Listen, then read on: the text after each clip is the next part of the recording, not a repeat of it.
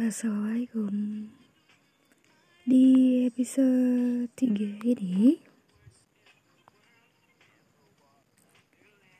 Berjudul Pilihan hidup. Hidup selalu memiliki pilihan untuk dipilih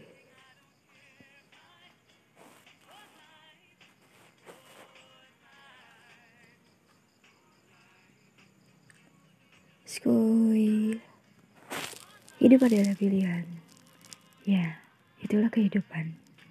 Terdiri atas banyak sekali pilihan-pilihan hidup yang sering kali memusingkan kita karena kita tidak akan tahu mana pilihan yang terbaik untuk kita pilih.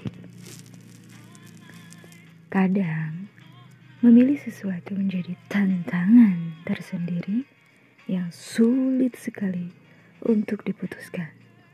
Seperti misalnya saya di waktu dulu sering kali berada di suatu persimpangan hidup yang mengharuskan untuk memilih.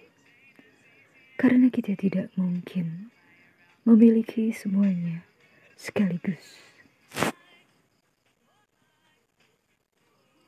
Memilih itu memang tidak mudah.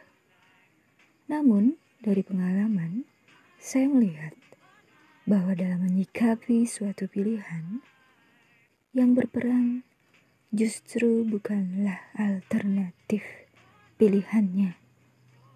Namun, bagaimana mental kita bereaksi terhadap pilihan-pilihan tersebut.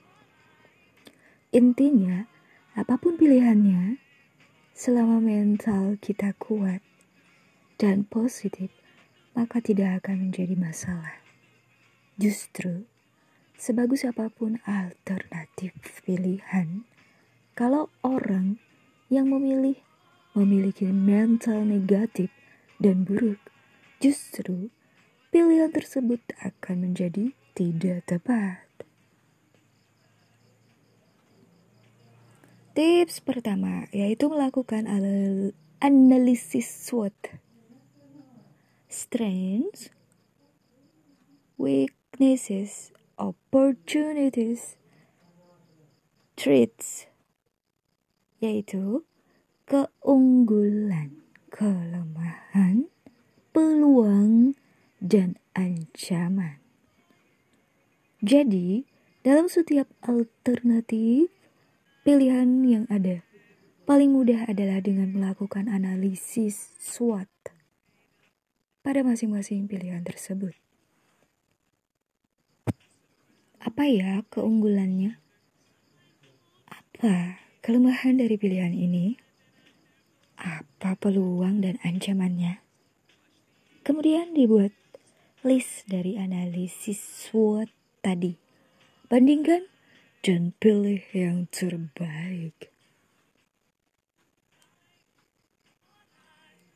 Tidak jarang dalam mengambil keputusan, saya berdiskusi dengan orang tua, sahabat, dosen, dan masih banyak lagi yang lainnya.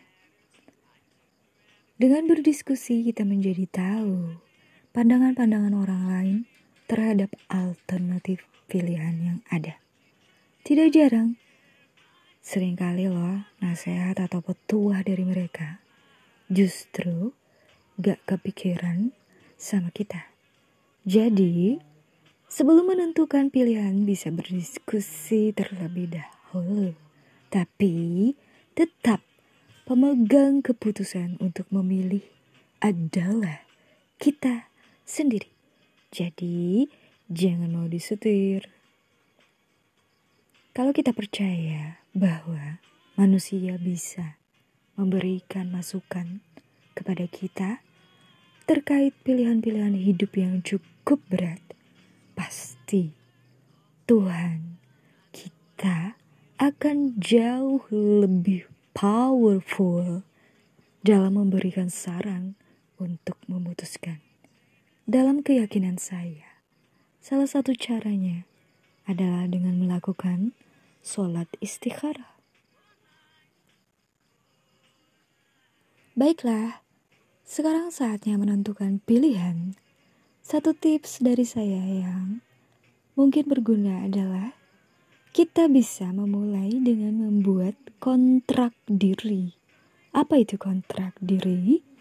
Kita buat perjanjian dengan diri kita sendiri bahwa apa pun pilihan yang kita pilih tidak akan pernah membuat kita menyesal di kemudian hari.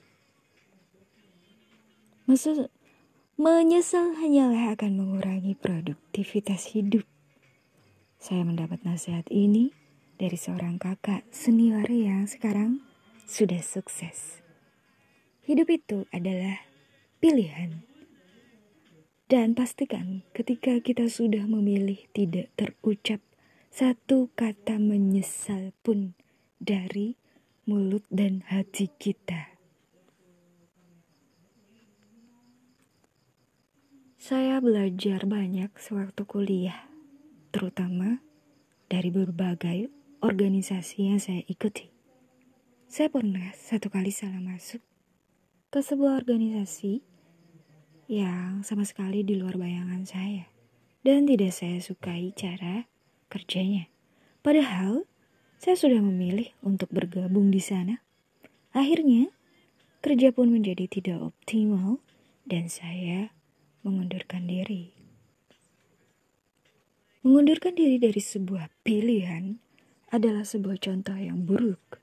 Hal ini saya dapatkan ketika bergaul dengan orang-orang dan pengusaha yang luar biasa.